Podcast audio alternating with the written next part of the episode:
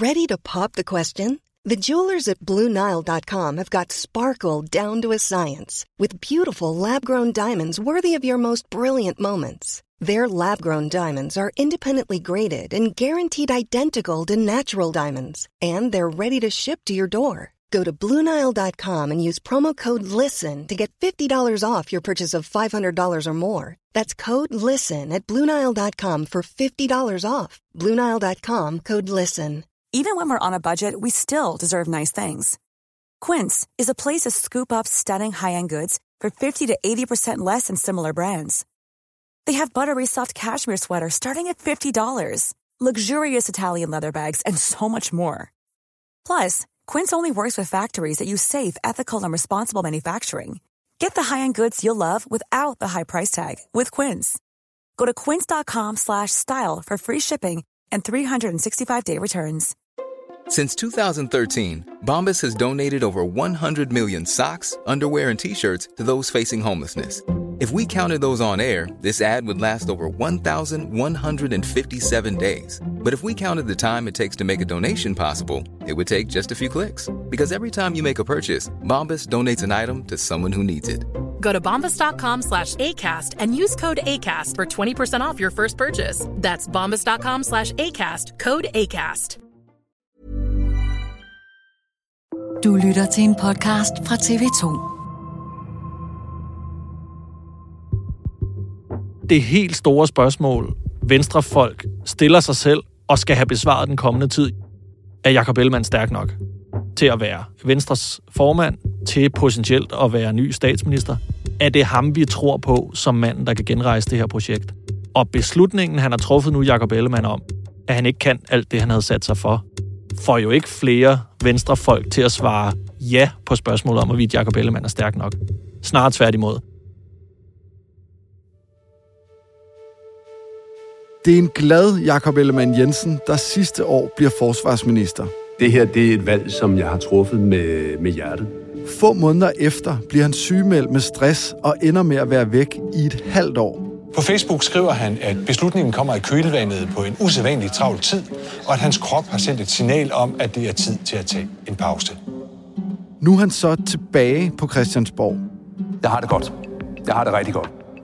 Men her, tre uger efter, vil Ellemann alligevel ikke være forsvarsminister. Så det her, det er et tilvalg, snarere end det er et fravalg. Så hvorfor træffer han den her beslutning nu?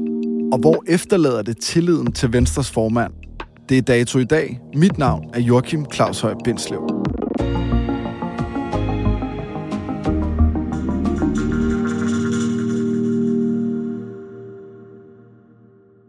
Hans, har du egentlig fået lavet et studie derhjemme? Ja, det har jeg. Eller et studie og studie, der står et kamera mit, på mit kontor. Fast? Fast kamera, fast sådan lyssøjle, som virkelig brager igennem, når man tænder den. Øh, så jeg kan sætte mig derind og lukke døren, så ungerne ikke kommer ind, og så være igennem. Jeg tror, hvis jeg var gift med dig, så ville jeg også være lidt træt af dig. Ja, nu siger du også. Øh, jeg havde faktisk planlagt, at i dag skulle være sådan en dag, hvor efter The Zelensky Show, så skulle jeg have sådan en hjemme i en arbejdsdag, ikke? Og kunne holde lidt møde på Teams, og ellers hente ungerne tidligt. Øh, sådan blev det ikke, og sådan er dansk politik jo bare tit. Altså, der opstår lige pludselig et eller andet, og så skal man jo være på, og det er jo også der, det er sjovt at være politisk redaktør på TV2. Altså, man vil gerne være med, når der sker noget stort. Velkommen til, Hans Redder. Du er politisk redaktør her på TV2. I tirsdags, der vågner vi til en ministerrokade. Jakob Ellemann Jensen og Troels Lund Poulsen fra Venstre bytter ministerier. Så nu er Jakob Ellemann Jensen økonomiminister, og Troels Lund Poulsen er Danmarks nye forsvarsminister. Er det en overraskelse for dig, Hans? Det er både og, fordi det var en overraskelse, da den presmeddelelse blev sendt ud. Øh, jeg havde brugt de sidste dage på at koncentrere mig om Zelenskis besøg og alt det der, og jeg havde ikke lugtet, der var noget i den stil på vej. Så, så på den led var det en overraskelse. Men sagen er jo den, at det seneste halve år, hvor Jacob Ellemann har været syg, der har været rigtig mange, der har gået og spekuleret i, om ikke Jacob Ellemann vil vende tilbage til noget andet, end det han kom fra, og som gjorde ham syg. Og da han kom tilbage der 1. august, jeg lavede selv det første interview med ham, der var det jo med den meget klare melding, om, at øh, han var klar til det hele, og han skulle det hele. Og øh, der var ikke nogen slinger i valsen der. Og det ser bare jo noget ramponeret ud, når han så tre uger senere beslutter sig for, at det, det kunne han ikke alligevel. For et halvt år siden, der sygemelder Jakob Ellemann Jensen sig med stress. Han har sin første dag tilbage på Christiansborg for tre uger siden. Jeg gik op ad trappen her på Christiansborg for første gang i et halvt år lige før. Øh, der var, der var en rundvisning i gang derude, som jeg træskede midt op i. Men, øh, men det er dejligt at være her igen. Det er rigtig rart. Hvad er det for nogle kasketter, Jakob Ellemann Jensen har på, da han vender tilbage? De formelle kasketter er jo, at han er Venstres formand, og så er han visestatsminister, og det er jo sådan lidt en selvopfunden øh, titel. Den betyder i virkeligheden ikke rigtig noget, men det er jo et forsøg på at markere, at han er nummer to i regeringen som Venstres formand, og så er han forsvarsminister. Og han har jo, kan man sige, tre store opgaver, han vender tilbage til.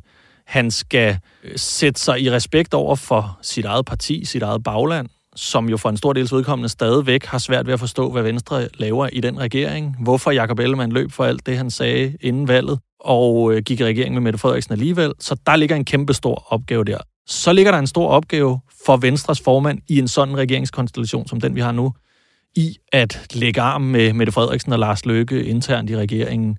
Venstre vil gerne have nogle store skattelettelser. Venstre vil gerne kunne sætte sit præg på alt muligt forskelligt øh, politik, og det skal man også som Venstres formand bruge rigtig mange kræfter på. Og så havde han jo kasketten som forsvarsminister, som var et rigtig tungt, et rigtig stort ministerium, et besværligt ministerium.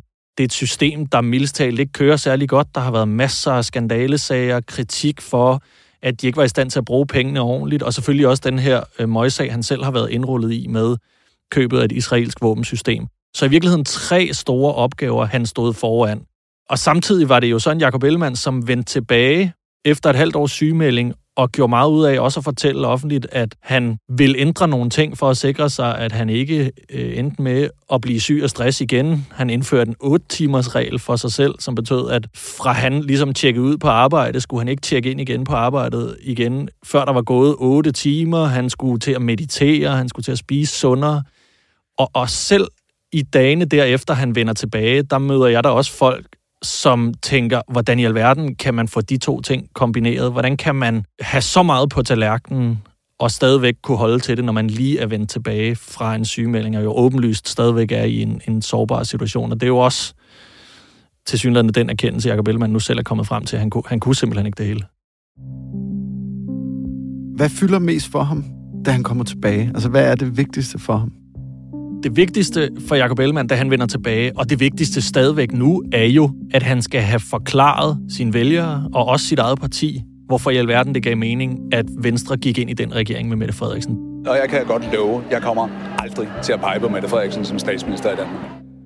Det er hovedopgaven for Jakob Ellemann, og før han lykkes med det, kommer Venstre jo ikke ud af den krise, men virkeligheden viste sig jo så, at det var nok ikke det, han fik mulighed for at bruge al tiden på. Og de første tre uger er jo i høj grad gået med, at Jacob Ellemann har skulle forholde sig til den møgssag, han er involveret i om øh, købet af et israelsk øh, våbensystem. Hvordan er de her tre uger gået for Jacob Ellemann? Der er virkeligheden to svar på det spørgsmål. Møgssagen om våbenindkøbet har fyldt meget, tror jeg også for ham selv har fyldt overraskende meget. Og på den vis er det selvfølgelig ikke gået, som han havde håbet. Men omvendt synes jeg, at han jo er kommet tilbage og har sat nogle sådan lidt mere offensive dagsordner. Han gav det der store interview til Berlingske, som fik rigtig meget opmærksomhed, hvor han sagde, Venstre skal ikke hjem, vi skal videre. Han tog ligesom hul på den store opgave, det er at få forklaret og begrundet, hvorfor Venstre er i den her regering. Og havde på en eller anden måde også, at mit indtryk lykkedes med at få fortalt den historie bedre nu, end han var i stand til at gøre, inden han blev sygemeldt. Men alt det bliver også kastet op i luften af lige pludselig, at han så beslutter sig for, nu skal der rokeres rundt, nu skal der byttes ud, og jeg kunne alligevel ikke sidde som, som forsvarsminister. Så også i det lys er timingen jo mærkelig og, og dårlig for Venstre. Det her skulle han jo have sagt første gang, han stiller sig op foran et kamera 1. august ændres nu i toppen af regeringen. Venstres formand, Jakob Ellemann Jensen, stopper som forsvarsminister. Han bliver i stedet økonomiminister. Troels Lund Poulsen overtager jobbet som forsvarsminister. Det første, jeg tænkte, Hans, det er, at det her sker dagen efter en kæmpe opgave for forsvarsministeren. Altså Ellemann har lige leveret 19 F-16 fly til Ukraine, trykket Zelensky i hånden, der er billedet sammen, hvor de går derude på landingsbanen. Altså, hvad tænker du om den timing dagen efter? Ja, timingen er jo i hvert fald helt klart den, at Jacob Ellemann gerne vil have det med, nå at have det med, inden han øh, ikke skulle være forsvarsminister længere, og at jeg sådan set også godt forstår, at man fra regeringens side siger, det er en rigtig stor ting, at Zelensky kommer forbi. Den begivenhed skal ikke ødelægges af, at vi lige pludselig beslutter os for at bytte rundt i regeringen. Jeg synes ikke, det er Zelensky-besøget, der er det interessante i den her timing. Jeg synes, jeg synes, det interessante er, hvorfor i alverden Jakob Ellemann ikke når frem til den her erkendelse 1. august, og først når frem til den den 22. august. Fordi det ser mærkeligt ud. Koblingen til den våbenskandale, der jo bare bliver større og større, og hvor Jakob Ellemanns rolle i den jo også stadigvæk er uoplyst for alvor. Det bliver mere og mere nærliggende at trække paralleller til det. Altså, jo mere alvorlig den sag ser ud, jo mere ligner det her jo et forsøg på at slippe ud af den sag fra Jakob Ellemanns side. Jeg tror mere, det er det, der ser giftigt ud for Jakob Ellemann, end det lige er spørgsmålet om at vente et par dage, fordi Zelensky er på besøg. Hvis jeg som formand for Venstre skal have mulighed for at udfolde den kurs, jeg har lagt for partiet på sommergruppemødet, og samtidig øh, kunne fortsætte med at gøre Venstre gældende i regeringssamarbejdet, så kan jeg ikke samtidig være forsvarsminister. Det står klart for mig. Det går ikke. Troels Lund Poulsen og Jakob Ellemann Jensen, de holder et pressemøde, hvor de uddyber årsagen til, at de bytter roller, og hvordan de begge to ser frem til at varetage deres nye titler. Hvordan virker Jakob Ellemann Jensen, da de nye roller bliver præsenteret? Han virker jo som en mand, der er fast besluttet på sådan ikke at skulle vise svaghed. Han siger... Jeg har det alle tider. Jeg er frisk som en havørn. Han siger... Det her, det er et tilvalg. Og det her, det er det bedste for Venstre og for Danmark, og i øvrigt også for forsvaret. Så jeg synes sådan set isoleret set, at, at pressemødet klarer han fint nok. Det ændrer bare ikke på, at overskriften på det her jo er, at Jacob Ellemann nu siger, at han ikke kunne være forsvarsminister samtidig med alt det andet, han skulle. Det sidste, han har brug for, er jo, at danskerne på en eller anden måde endnu en gang bliver mindet om, at Jakob Ellemann har truffet nogle valg, han fortryder, at han måske ikke er stærk nok til at være i den absolute top af, af dansk politik. Og det kan jo virke brutalt at sidde og sige, og jeg tror, vi jo alle sammen sådan på et menneskeligt plan også har haft sympati for Jakob Ellemann og den periode, han har været igennem, sygemeldingen han har været igennem, han har kæmpet sig tilbage. Men det er jo bare vilkårene i, i toppolitik, at det er brutalt, og at man skal være der 100%, og at rigtig mange i Venstre jo også har været i tvivl om, hvorvidt han vil komme tilbage på 100%. Og det bliver ikke nemmere for Jacob Ellemann at overbevise sit parti om, at han er tilbage på 100%, når han laver den manøvre her. Hvordan udlægger Jacob Ellemann Jensen selv teksten i forhold til, at nu skal han ikke længere have det, der var et drømmejob for ikke så lang tid siden? Ja, nu siger han jo, at han skal have et nyt job, han til synligheden også rigtig gerne, i hvert fald ifølge ham selv, vil have. Og det her det er et tilvalg af økonomiministeriet. Men sandheden er jo, at det er et nederlag og en erkendelse af, at Jacob Ellemann traf den forkerte beslutning. Det Jacob Ellemann siger der, er jo, at han ikke har tid til det hele, og han ikke magter at løfte alle de opgaver. Jakob Ellemann Jensen har tidligere sagt til mig i et øh, interview, jeg lavede, da han var blevet forsvarsminister. I min beslutning ligger også det signal, at jeg øh, som som nummer to i regeringen, som, som vice-statsminister, som det jo formelt hedder, øh, at, jeg, at jeg faktisk prioriterer det her meget, meget højt. Hans til pressemødet, der siger Jacob Ellemann meget tydeligt, at det her det er hans egen beslutning. At det er et tilvalg snarere end et fravalg. Men da han blev forsvarsminister, var det jo hans hjertebarn, han valgte. Som øh, betyder meget for mig. Jeg, jeg har vist fået nævnt en gang eller to, øh, at jeg selv har en fortid i, øh, i forsvaret. Det er noget, som har, øh, har formet mig som menneske. Det er, det er vigtigt. Vi har krig i Europa. Det her, det, det, det kan man ikke overvurdere. For mig skuer det ret meget, faktisk. Altså, kan vi stole på, at det her økonomiministerium, det bare er hans våddrøm? Nej, det er jeg helt overbevist om, at det ikke er. Jakob Ellemann ville gerne være forsvarsminister, vil helst være forsvarsminister. Men jeg tror sådan set på Jakob Ellemands forklaring nu forstået på den måde, at han er erkendt, at han ikke kan. At han ikke har timer nok i døgnet, at han ikke efter at have været sygemeldt et halvt år, kan håndtere alt det, der ligger på hans tallerken. Og nu skal han så have et ministerium, som er langt mindre sagstungt, hvor han ikke skal bruge al sin tid på besværlige samråd og forhandlinger og alt sådan noget. Han kan ligesom bruge tiden på noget af det andet. Og alle de kritikere har jo vist sig at have ret, og Jacob Ellemann har vist sig at tage fejl, og det er jo også dermed endnu et eksempel på, at der bliver sået tvivl om, og nogen bruger det til at så tvivl om, hvorvidt Jacob Ellemann har den rette dømmekraft til at være der, hvor han er. Hvad så med Venstres bagland? Hvordan reagerer de på det her? De reagerer i virkeligheden lidt dobbelt, fordi når jeg taler med, med folk i Venstre, så siger de jo på den ene side, jamen det var nok den rigtige beslutning. Det var det, han hele tiden skulle have gjort. Det var det, han skulle have indset for lang tid siden. Og som minimum jo have indset, da han den 1. august vender tilbage og siger, nu skal jeg være forsvarsminister igen. Og nu får han mere tid til at rejse rundt i partiet, tale med partiet, mere tid til at udvikle ny politik og tænke nogle tanker over, hvor Venstre skal placere sig. Så på den vis er det min indtryk, at folk i partiet godt forstår ham. Men omvendt er det helt store spørgsmål, Venstrefolk stiller sig selv og skal have besvaret den kommende tid, jo, er Jakob Ellemann stærk nok til at være Venstres formand, til potentielt at være ny statsminister? Er det ham, vi tror på som manden, der kan genrejse det her projekt? Og beslutningen, han har truffet nu, Jakob Ellemann, om, at han ikke kan alt det, han havde sat sig for, får jo ikke flere venstrefolk til at svare ja på spørgsmålet om, hvorvidt Jakob Ellemann er stærk nok. Snart tværtimod. Og det er Jakob Ellemanns helt store problem, at det her, det på en eller anden måde bestyrker den frygt, der er hos mange venstrefolk om, at Jakob Ellemann ikke er den rette til at stå i spidsen for partiet. Jakob Ellemann Jensen han forlader Forsvarsministeriet, mens sagen om hasteindkøb af israelske våben kører for fuld skrue. Det har ikke været min hensigt at vildlede Folketinget. En sag, som Ellemann umiddelbart efter sin tilbagekomst har undskyld for til medlemmerne af Folketinget. Det har været en kritisabel proces. Man må desværre konstatere, at Folketinget har fået forkerte oplysninger. Det har jeg i dag undskyldt over for Folketinget. Og så har han også fyret sin departementschef, Morten Bæk.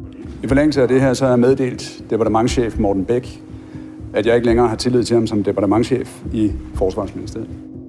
Ellemann han vil gerne have en uvildig undersøgelse af det her forløb. Selv siger han, at han ikke har noget at skjule. Jeg kan sige, hvad angår min egen rolle, så har jeg intet at skjule nogen steder. Hvorfor bliver han egentlig ikke, mens den her undersøgelse står på og sikrer, at det ikke ser ud, som om han flygter for det rod, han selv har lavet?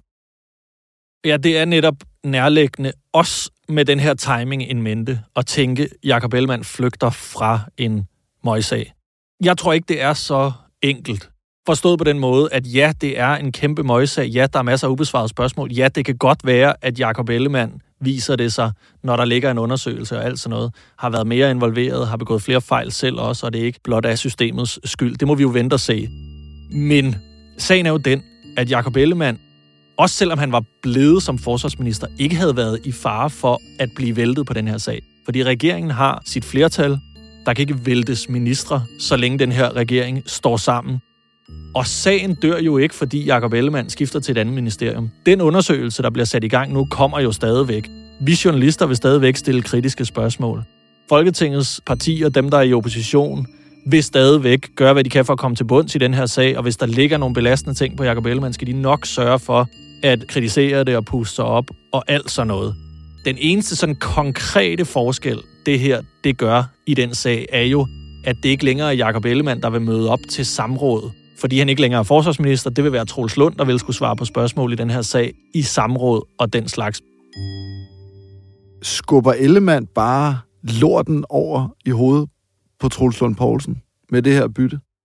Ja, det gør han. Han skubber i hvert fald helt åbenlyst den møgssag og den oprydning, der skal til at gå i gang i Forsvarsministeriet og i hele systemet over på Troels Lund Poulsen. Og jeg synes også på det pressemøde, at man kunne se, at det var en Troels Poulsen, som ikke var jublende begejstret for, at øh, han skulle oversæde i det forsvarsministerium. Han havde sådan en formulering, jeg blev mærke i, hvor han sagde... Det er jo ikke nogen hemmelighed, jeg har, har været her før og øh, derfor er jeg også øh, glad for, at øh, når det nu er, som det er, øh, at jeg øh, kan udfylde en rolle her i øh, Forsvarsministeriet. Når det nu er, som det er, så glæder jeg mig også til at skulle over i, i Forsvarsministeriet. Der var langt fra Jakob Ellemann, der der for otte måneder siden stod og sagde, at han valgte med hjertet, og Forsvarsministeriet var drømmen, til Truls Poulsen, der nu står og siger, når det nu er, som det er. Så jeg føler mig helt overvist om, at det ikke er Troels Lund Poulsen, der har skubbet på for, at man skulle lave det her skifte. Der gik tre uger fra Jacob Ellemann kom tilbage til ligesom at fortællingen om, ja. at Venstres formand nu var tilbage i stærk form og klar til det hele. Krakeleret. Hvor stor opbakning har han egentlig i Venstre til den formandspost, han besidder? Han har opbakningen forstået på den måde, at der ikke er ved at rejse sig sådan et stort oprør mod Jakob Ellemann. Der er ikke nogen oplagt aftager eller nogen, der går og arbejder på at forsøge at vælte Jakob Ellemann. Og på den vis er Venstre jo også et parti, der virkelig har været martret af nogle beskidte, voldsomme fløjkampe og opgør på det seneste. Først selvfølgelig Lars Løkke og Christian Jensen, der var ved både at slå hinanden og partiet ihjel, og derefter jo Jakob Ellemann og Inger Støjberg. Og der er virkelig ikke appetit på endnu sådan et opslidende fløjopgør i Venstre. Jeg tror, der sidder mange venstrefolk og kigger rundt og tænker, vi ved ikke, hvem vi ellers skulle gå med. Men det er heller ikke sådan, vi er helt trygge ved, at Jakob Ellemann kan løfte den opgave, der står foran ham. Det startede med Jakob Ellemann. Han ville være statsminister. Det kunne han ikke blive. Så ville han være finansminister. Men det fik han ikke lov til at Mette Frederiksen og Socialdemokraterne. Så vil han være forsvarsminister. Det kan han ikke finde ud af. Nu er han så økonomiminister. Altså, hvad bliver det næste? Er han overhovedet formand for Venstre om et år?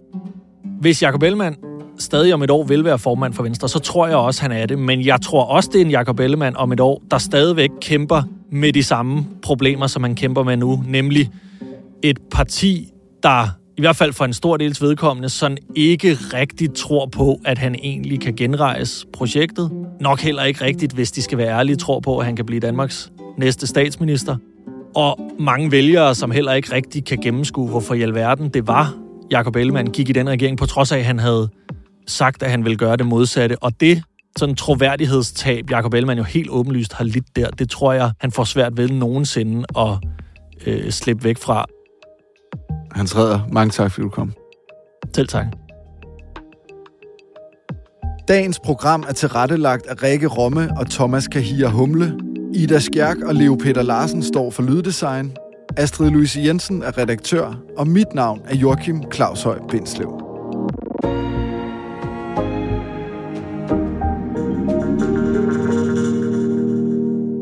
Du har lyttet til en podcast fra TV2.